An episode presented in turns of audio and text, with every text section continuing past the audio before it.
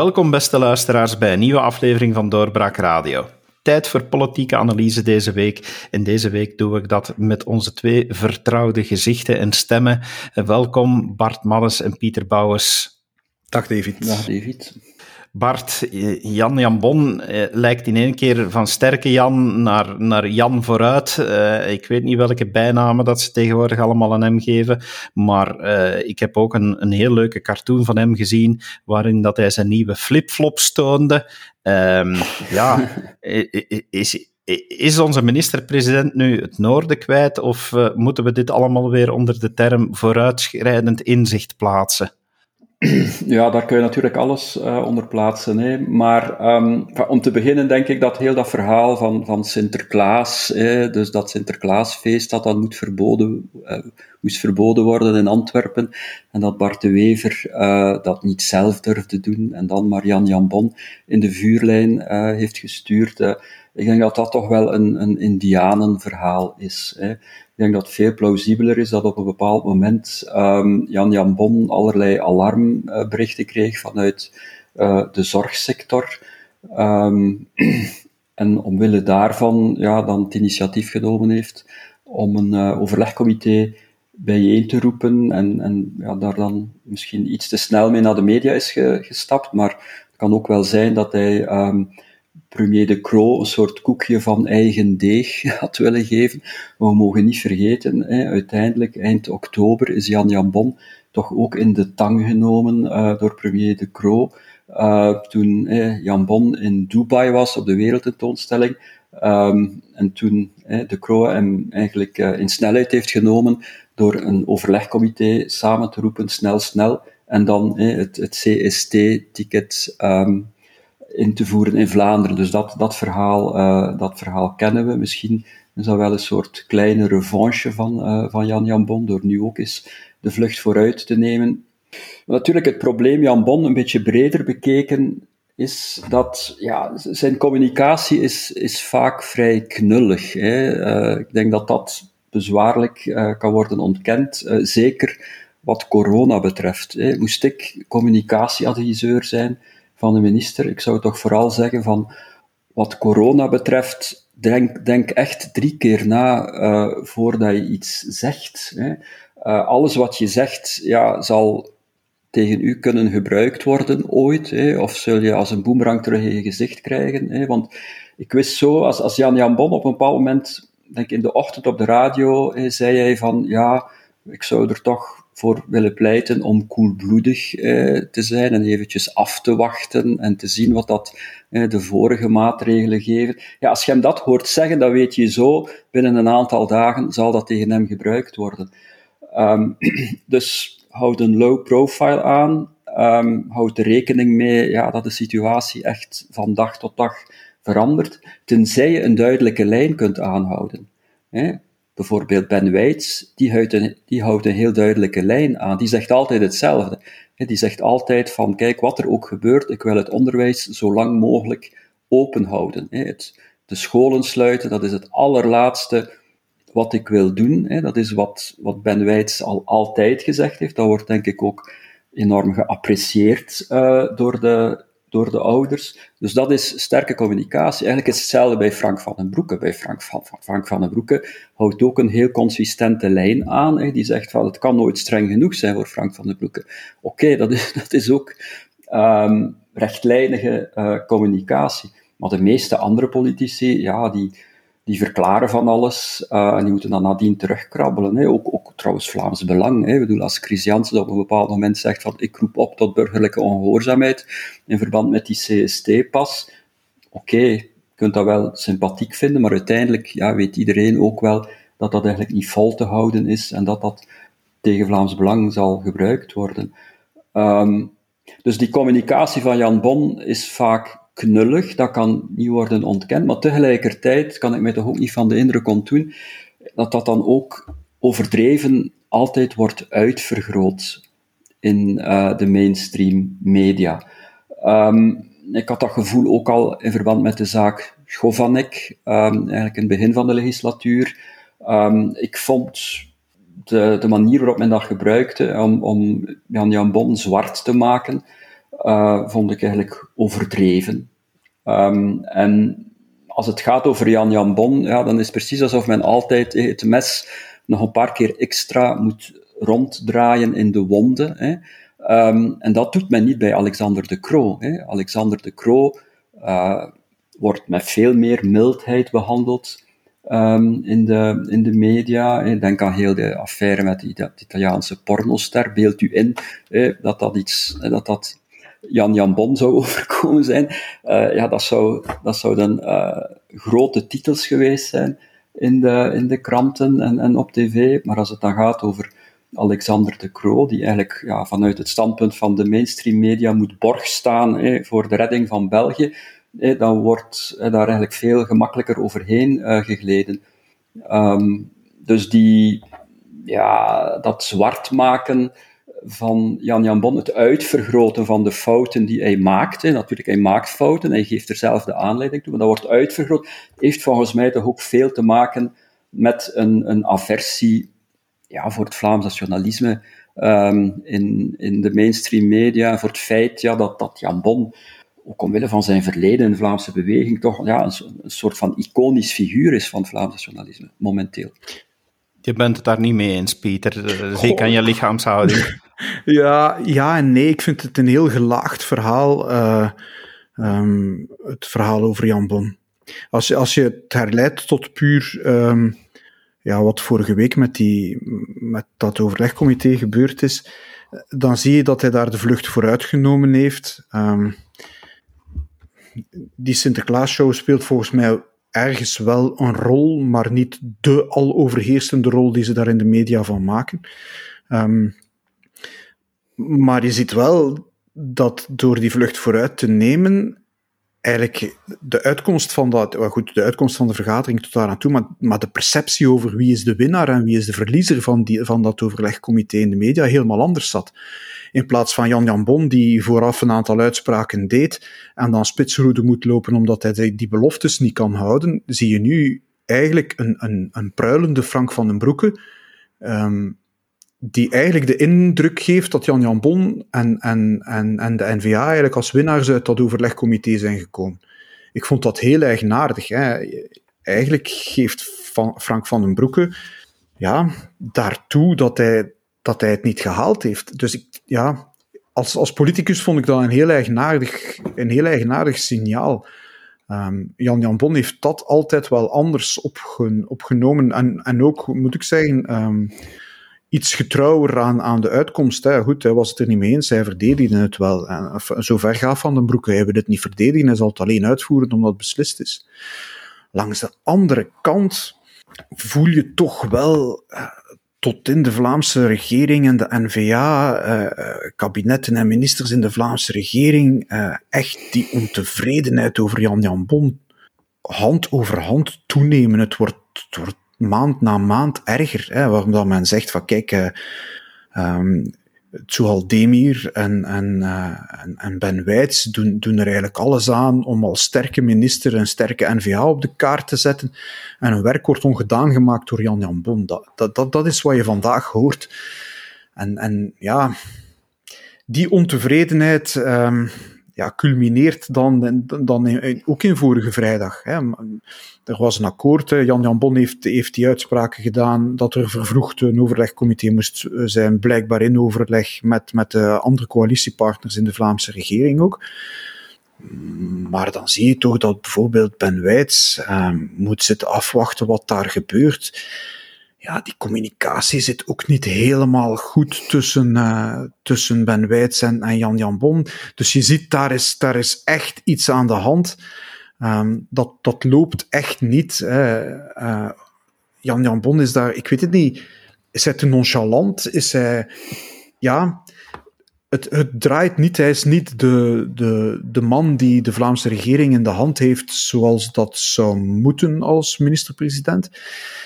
En daar wordt hij, en daar heeft, uh, heeft Bart gelijk in, veel harder over aangepakt dan de Kroo. De Kroo heeft het ook niet in de hand. Hè. Nee, want die als, je, je, noemde, je noemde al Frank van den Broeke, maar die mhm. heeft op de persconferentie heeft hij inderdaad echt wel laten blijken dat hij het met sommige dingen niet eens was. En daar hoor je dan toch in de wandelgangen in de wedstrijd hoor je toch mhm. andere hooggeplaatste politici eigenlijk morren van ja, maar ja, een minister die moet één keer de beslissing genomen, trouw zijn, uh, moet zwijgen of neemt ontslag. Uh, dus ja, dat is toch ook niet loyaal en die wordt daar toch ook dan wel niet op aangepakt. Nee, maar ja, goed, het blijft politiek, hè. Uh, maar ik snap niet goed dat een, een, een ervaren politicus als Frank van den Broeke niet beseft. Ja, je speelt altijd voor, voor je eigen publiek. En als je kijkt naar, uh, naar Conor Rousseau bijvoorbeeld, dan denk ik dat er in de, in, in de wedstrijd peilingen um, of, of, of marketingonderzoeken uh, circuleren, waarin er een groot deel van de mensen uh, voor meer en strengere maatregelen is. En dat een aantal politici zich daarop richten. Ik denk dat, dat Conor Rousseau daar het beste voorbeeld van is. En, en dat ook pruilen van, uh, van Frank van den Broeke daar, daar deels aan tegemoet komt. Maar toch geef je een heel eigenaardig signaal. Je geeft eigenlijk in het openbaar toe dat je uh, de, het debat verloren hebt. Ja, dat, dat blijf ik een eigenaardig signaal vinden. Maar, maar goed, ja, ja, moet, een, ja, moet een minister het eens zijn of ontslag nemen? Ja, ik vind het altijd een moeilijke. Ja, dat wordt veel gezegd en er wordt zodanig veel gezegd dat je er eigenlijk om duur ook van uitgaat dat bijna niemand dat vandaag nog doet. Omdat we in zo'n overgemediatiseerd uh, politiek systeem zitten dat dat eigenlijk bijna niet meer mogelijk is. Bart, jij zei daar, je nam het voorbeeld van Ben Wijts, eh, iemand die heel duidelijk op zijn lijn blijft. Maar gaat dat, eh, gaat dat houdbaar blijven? Eh, want uiteindelijk, er zijn nu toch ook heel veel stemmen te horen die in het onderwijs die zeiden van uh, ja, we hadden niet die week voor kerstmis moeten sluiten, we hadden nu moeten sluiten om het probleem nu aan te pakken. Dus is er niet een minister die wat verder nu begint te staan van de sector waar hij voor staat? Mm, ik denk dat Ben Wijts ook wel handig genoeg is om dat allemaal communicatief en, retorisch goed op te vangen. Hè. Ik bedoel, hij, zegt altijd van ik doe het uiterste om het onderwijs open te houden, maar soms lukt dat niet en dan, dan leg ik mij daarbij neer. Um, en welke week dat dan geworden is, uh, ja, dat is blijkbaar um, een onderdeel geworden van een soort Persische tapijtenmarkt, hè, waar men dan aan geschoven heeft en gemarchandeerd heeft um, met, uh, met, met allerlei maatregelen. Um, maar dat, dat is natuurlijk wel iets, iets heel interessant en dat is misschien iets wat te weinig wordt benadrukt in, in alle commentaren daarover. Dus die, die manier van besluitvorming die je daar ziet, hè, op, die jongste, op dat jongste overlegcomité, is natuurlijk ja, de normale manier waarop aan, in België aan besluitvorming wordt gedaan. Dat is heel amateuristisch, um, dat is heel uh, klungelig. Uh, er worden beslissingen genomen die slecht voorbereid worden, uh, die ook dan nadien eh, niet echt worden uitgevoerd, laat staan geëvalueerd. We hebben dat ook gezien met de kerncentrales en het, en het energiebeleid. Er worden compromissen gesloten om de compromissen. Er wordt aan loodgieterij gedaan. Dus wij, allee, die, die dat een beetje volgen, wij, wij, wij kennen dat. Wij vallen niet van onze stoel als we geconfronteerd worden met, met dat soort besluitvorming. Dat is ook de manier waarop, waarop er al zes staatshervormingen uh, in elkaar zijn gestoken. Maar voor de man in de straat, hè, die daar niet professioneel mee bezig is, voor de man in de straat is dat, die, die hebben daar ook wel een vage notie over, maar dat is eigenlijk iets heel abstract. Hè.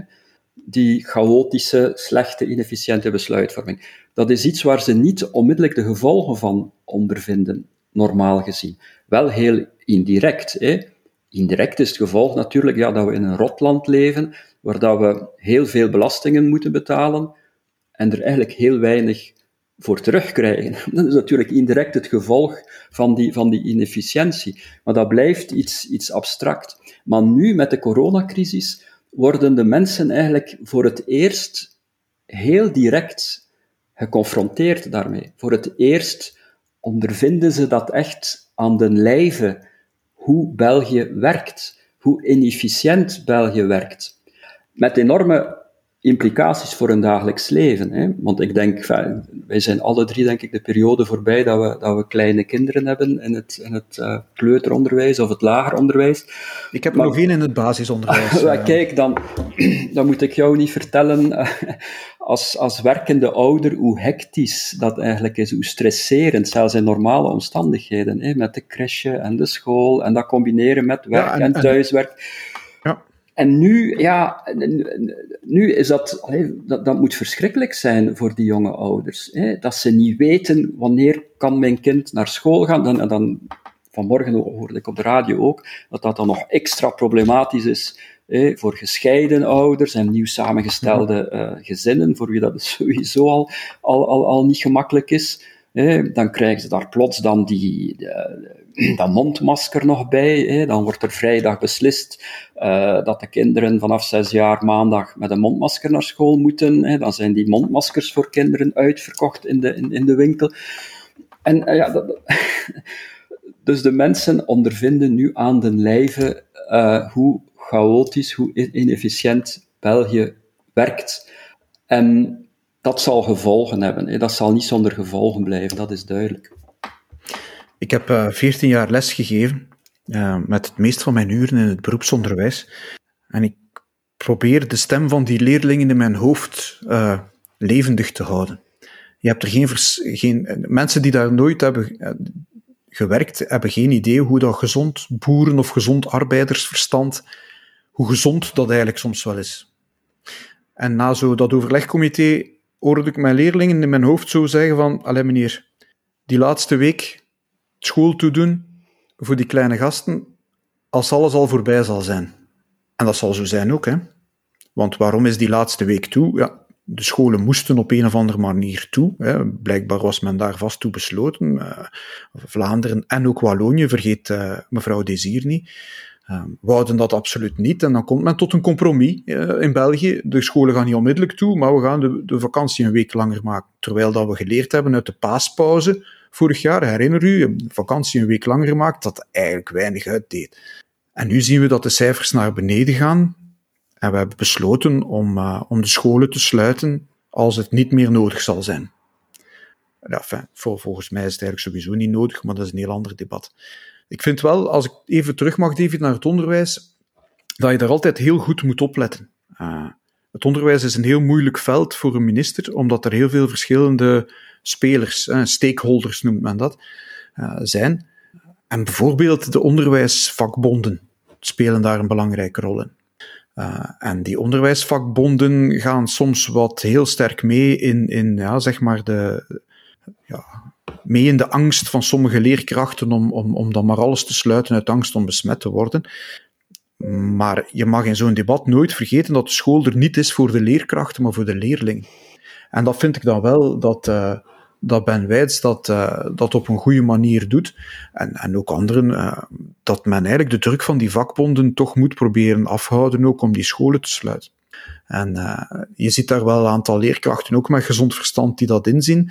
Maar ook, ja, ook naar directies toe, naar on, zie ik heel snel hoe, hoe mensen kiezen als directie van ja, het moet allemaal organiseerbaar blijven. Voor hen en voor de leerkrachten. En ik neem dat allemaal aan. Maar de school is er in de eerste plaats voor de leerlingen. En dat zijn nou net diegenen die eigenlijk politiek het minst gehoord worden, tenzij door de ouders. En dat is natuurlijk ook een heel verdeelde groep. Dus ik denk dat het sowieso moeilijk is om voor iedereen goed te doen in het onderwijs. En dat is iets wat je als minister van Onderwijs altijd moet beseffen. Je, je krijgt altijd te maken met tegenstand. En uh, je ziet dat hier ook. Hè. Je ziet dat op de sociale media. Zie ik mensen die, uh, die heel sterk achter Ben Wijts staan. En zie ik mensen die ja, bij alles wat Ben Wijts zegt, uh, de verwijten niet sparen. Dus ja, goed doen voor iedereen gaat niet, maar ik vind wel de juiste uitgangspositie is, de scholen zijn de laatste die gesloten worden.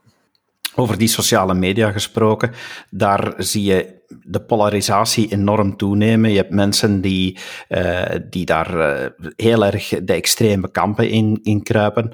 Er is een kamp die zegt, ja, omwille van de coronacrisis worden er maar regels ingevoerd en beginnen we dingen te slikken die toch eigenlijk wel niet kunnen. Een van die zaken die op die manier onder druk komt te staan is de privacy. Ik heb zelf al een paar keer opgekeken. Ik heb uh, ik, heel veel met die sector te maken gehad en ja, ik kijk toch soms op van uh, welke datagegevens nu bij elkaar zitten. Uh, maar daar, daar zit toch ergens wel iets wat eens te gronden moet uitgesproken worden. En daar zit een etterbel uh, die nu aan het openbarsten is. Want bij de gegevensbeschermingsautoriteit, onze privacywaakhond, daar neemt nu zelfs een, een van de directeurs ontslag. En, en de Kamercommissie Justitie is er zich mee aan het mooien. Um, ja, zijn, er, zijn daar dingen volgens jullie die, die we toch eens moeten over nadenken over onze privacy en fundamentele rechten die nu gefnuikt worden? Ja, ik, ik, vermoed dat dat een retorische vraag is, uh, David. Maar je ziet wel eigenlijk, Bart, want ik ken jouw antwoord al. Ja, maar je ziet inderdaad, allee, dat is een van de grote gevolgen van corona. Er waren een aantal evoluties op dat vlak die natuurlijk bezig waren, een aantal technische evoluties, waardoor dat, dus die privacy steeds meer onder druk komt. Maar dat komt nu eigenlijk door corona allemaal um, in, een, in een stroomversnelling. Hè.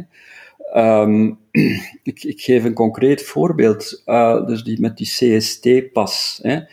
Je zou je kunnen inbeelden hè, dat men zal zeggen op een bepaald moment van kijk, dat zou toch eigenlijk een goed systeem zijn om, om hardnekkige dronken chauffeurs te straffen.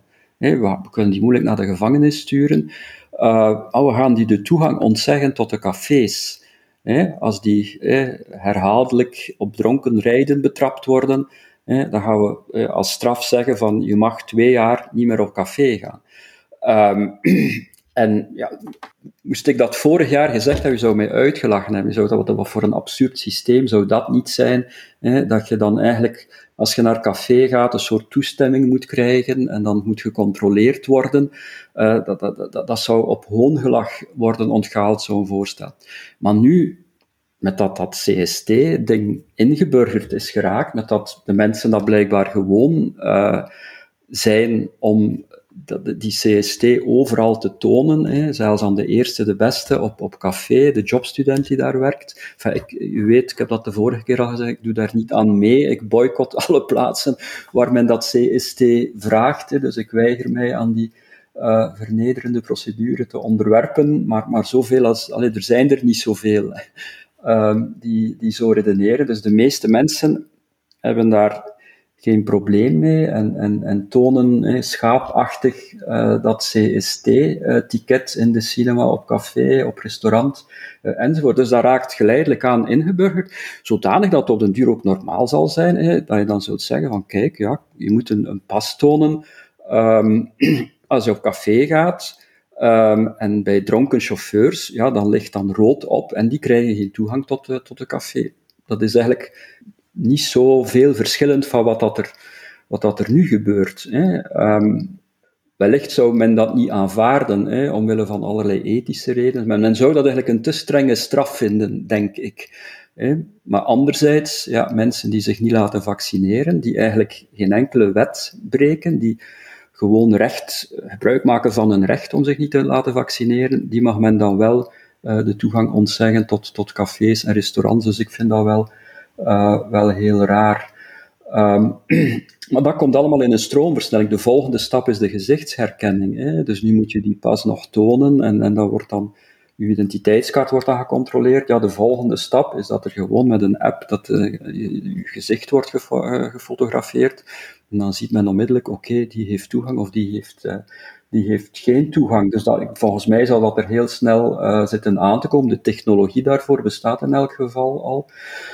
En dus dat zie je eigenlijk op, op, op, op alle vlakken. Hè. Dus heel die, die dijk hè, die, die onze privégegevens beschermt, uh, die barst langs alle kanten. Hè. Dus het water gutst daar, daar echt uit. We hebben het hier al eerder gehad hè, over de problemen met die CST-scan-app en die zogenaamde suspension list, dus de lijst van um, mensen die recent dus COVID gehad hebben. en die is eigenlijk gemakkelijk toegankelijk en kan ook relatief gemakkelijk ontcijferd worden. Um, op basis dus eigenlijk van die, die scans. Dan heb je het hele Bruvac-schandaal gehad. Maandenlang uh, kon je eigenlijk gewoon door iemands rijksregisternummer in te voeren op een publieke website zien of dat hij al dan niet gevaccineerd was. Um, en het rijksregisternummer, ja, dat, dat zijn heel veel mensen die dat, die dat hebben. Uh, de, de, werkgever, verzekeraar, uh, bank enzovoort, noem maar op. Uh, kan nu ook eigenlijk ook heel gemakkelijk gefotografeerd worden in het kader van die, die CST-controle.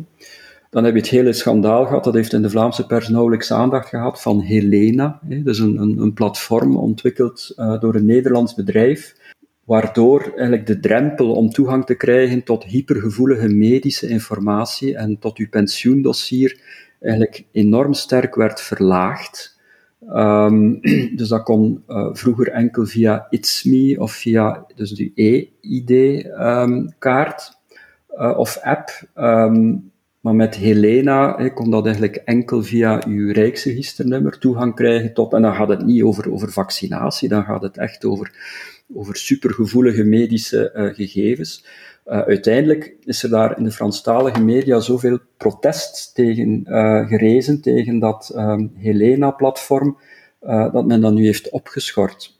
En we hebben natuurlijk een, een gegevensbeschermingsautoriteit, maar die functioneert totaal niet, omdat een aantal mensen in die gegevensbeschermingsautoriteit uh, zowel rechter als partij zijn. Hè. Dus het zijn dezelfden die al die systemen ontwikkelen, hè, waardoor al die privégegevens te grabbel worden gegooid, die tegelijkertijd betrokken zijn bij die gegevensbeschermingsautoriteit. Hè. Dan denk ik in de eerste plaats aan, aan Frank Robben, hè, dus de sinistere spin in het, in het hele web uh, van die data, maar ook aan Bart Preneel hè, van de KU Leuven. Um, dus dat zijn mensen die eigenlijk niet in die gegevensbeschermingsautoriteit zouden mogen zitten, um, omdat ze tegelijkertijd rechter en partij zijn. Dat wordt trouwens ook aangeklaagd uh, op niveau van de Europese Unie, hè, dus in het kader van de, de GDPR-wetgeving.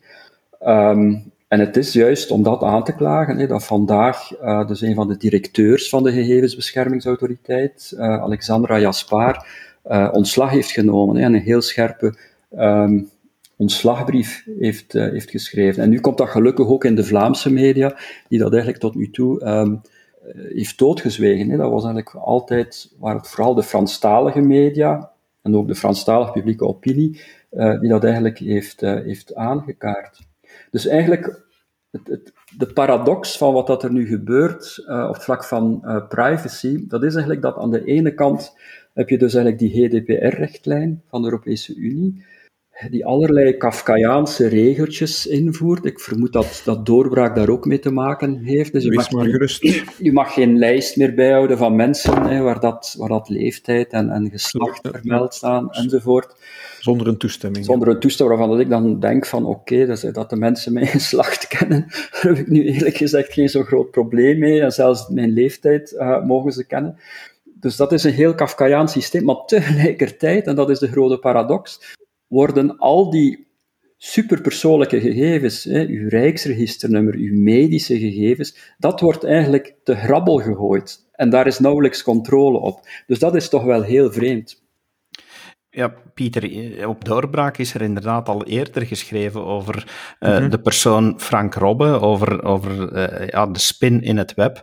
Maar anderzijds, is dat ook iemand die door velen wordt geroemd en geloofd. Want ja, neem nu bijvoorbeeld uh, ex-staatssecretaris en ex-minister Philip de Bakker, die, uh, die zegt ja, dat uh, dankzij zulke figuren in het begin van de crisis, dat men toch wel vraagstukken kon oplossen. simpele vraagstukken, zoals ja, hoeveel bedden zijn er in, in Vlaamse rusthuizen, dat dat allemaal, geen enkele administratie dat wist. Maar tegelijk wijst het inderdaad dat één persoon, als men gaat zeggen, ja, dankzij die ene persoon konden we snel databanken koppelen, dan is dat inderdaad toch wel iemand die aan heel veel data kan en die misschien dan inderdaad, zoals Bart zegt, rechter en partij tegelijk is in de GBA. Ja, uh, dat klopt. Uh, Frank Robben zit op een, uh, op een ongelooflijke, is eigenlijk zelf een soort kruispuntbank op zichzelf. Omdat hij aan, een, aan het hoofd van een heleboel kruispunten en zelf een aantal kruispunten van die kruispuntbanken zelf heeft gemaakt, laten maken.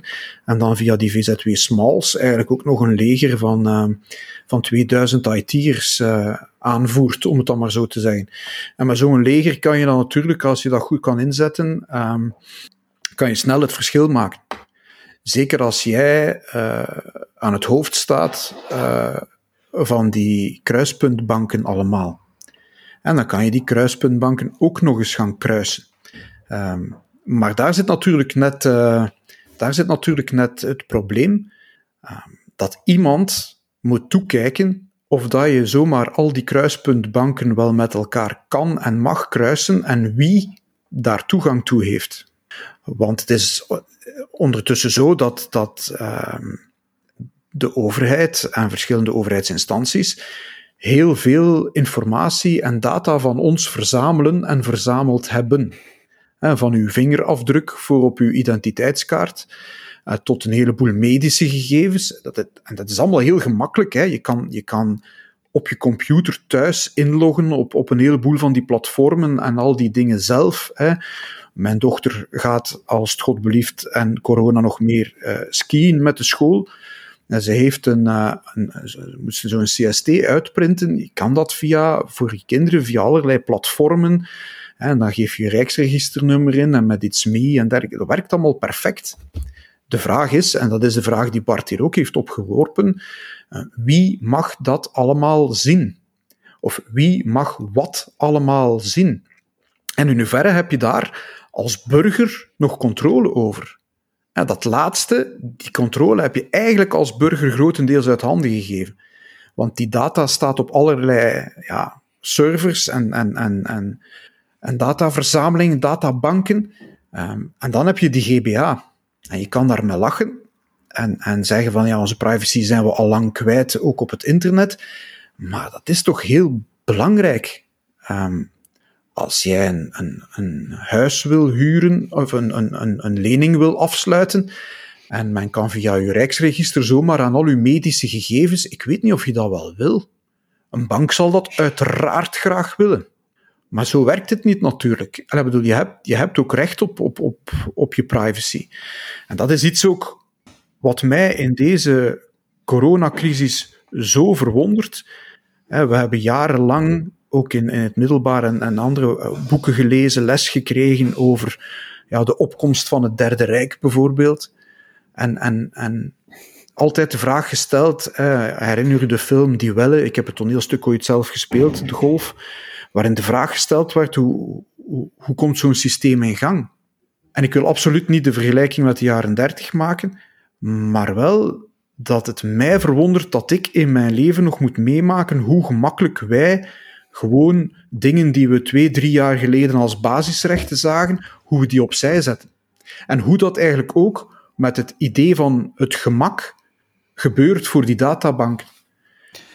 Maar dan zouden we ons beschermd moeten voelen door de regering, want uiteindelijk valt dat onder het ministerie van Justitie. Hm. En laat dat nu toch net een liberaal zijn. Dat zou toch dan moeten goed in de gaten gehouden worden.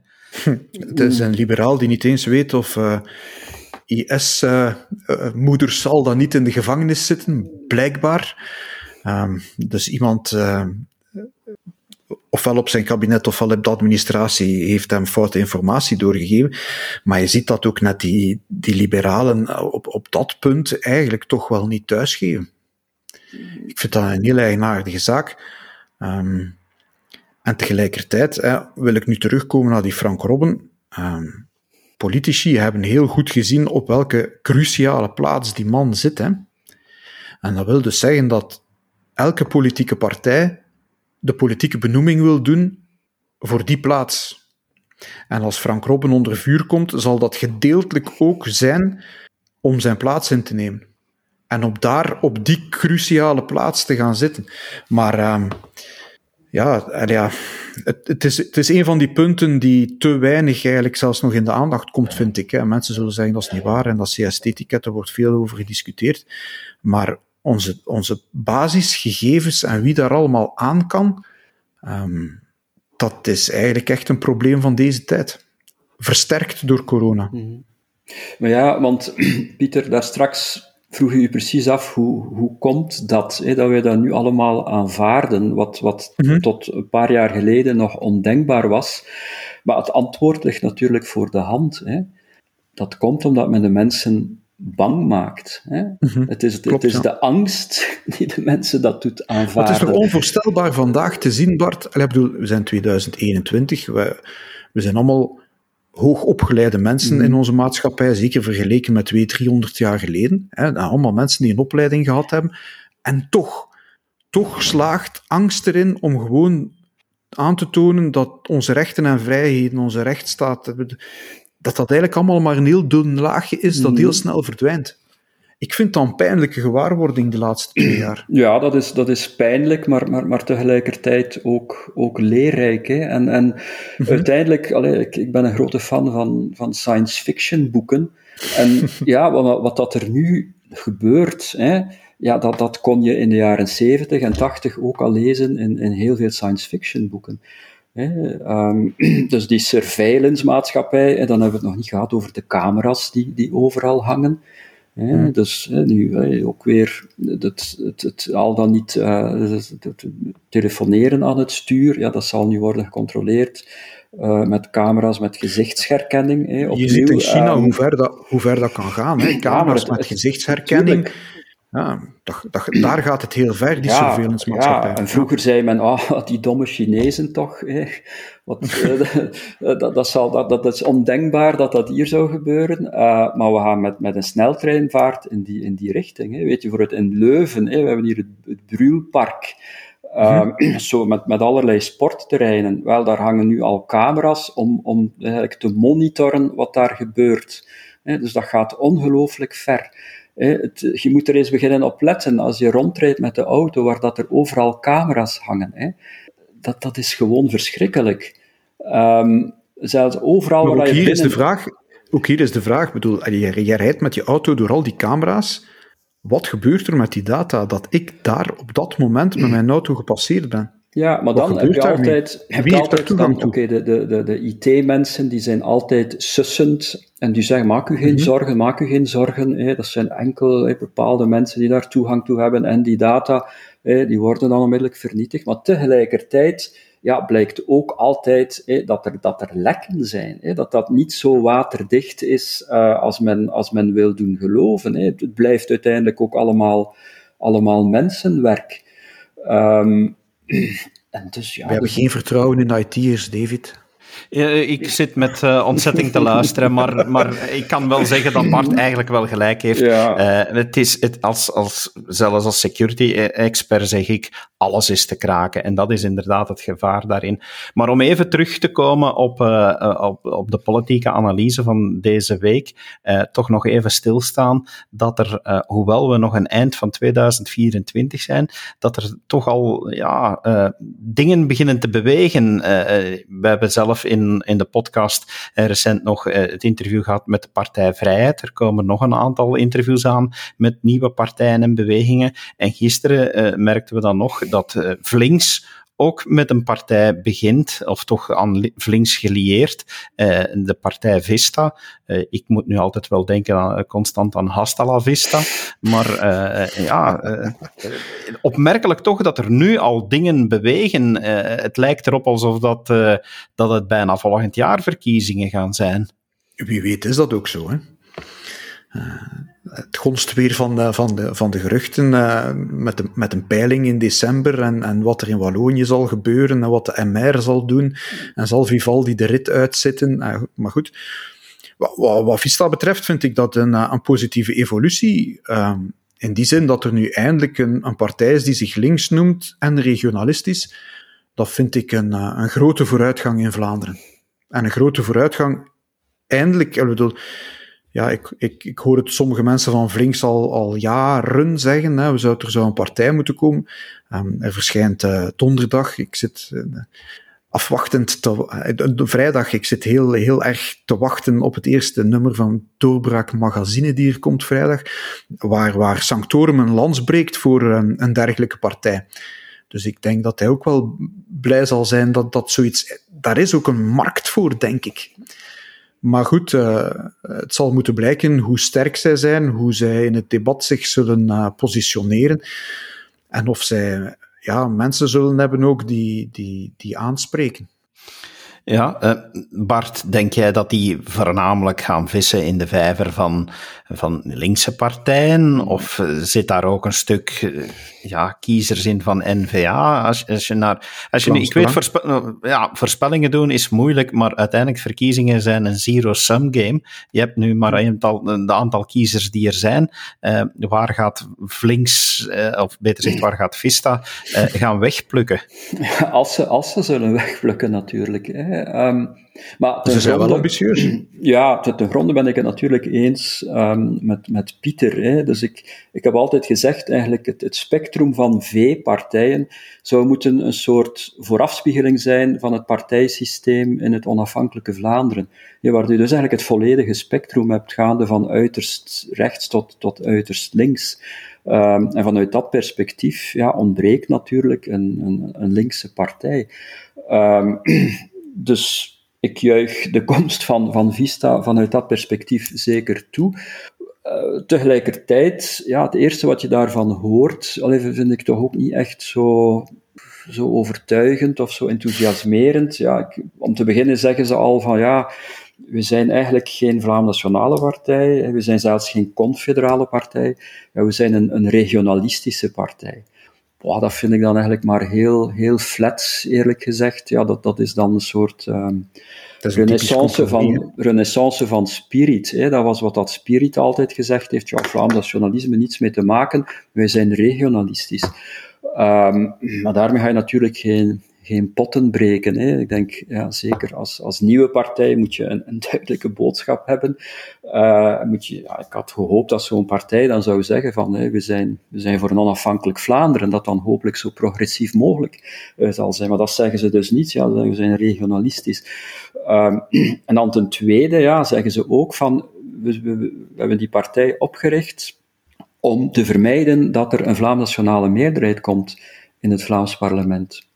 Liever zou hebben ja, dat ze zouden zeggen van we hebben die partij opgericht om ervoor te zorgen dat er ook een, links, een linkse component zou zijn in die Vlaamse nationale meerderheid in het parlement, om ervoor te zorgen dat die Vlaamse nationale meerderheid in het Vlaams parlement ja, ook linkse accenten uh, legt en, en ook een, een legitimiteit heeft um, bij de linkerzijde in Vlaanderen.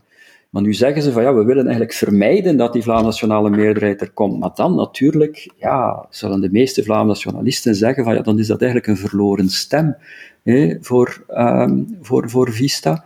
Um, en ja, bon, de kans is groot dat ze onder de kiesdrempel blijven, dus dan is het zeker verloren. Maar twee, als ze dan zetels zouden halen en ze willen die, die zetels niet gebruiken om bij te dragen tot die Vlaam-nationale meerderheid, ja, dan is dat vanuit Vlaam-nationaal perspectief natuurlijk een doodlopende straat. We zullen het allemaal in de gaten moeten houden wat er gebeurt. Uh, daar zijn we voor bij Doorbraak. Dat gaan we dus zeker blijven doen. Maar zoals mijn goede collega Ivan de Valder zou zeggen, hiermee is de politieke week weer neergelegd bij Doorbraak deze keer. Uh, dankjewel Bart, dankjewel Pieter. Graag gedaan. Nou. En u, beste luisteraar, dank u wel dat u geluisterd hebt en blijf zeker volgen. We blijven nog heel wat interessante zaken brengen en graag tot de volgende keer. Dag. Dit was een episode van Doorbraak Radio, de podcast van doorbraak.be. Volg onze podcast op doorbraak.be/slash radio of via Apple Podcasts, Overcast of Spotify. Bezoek ook onze website op doorbraak.be en steun ons door een vriend te worden van Doorbraak.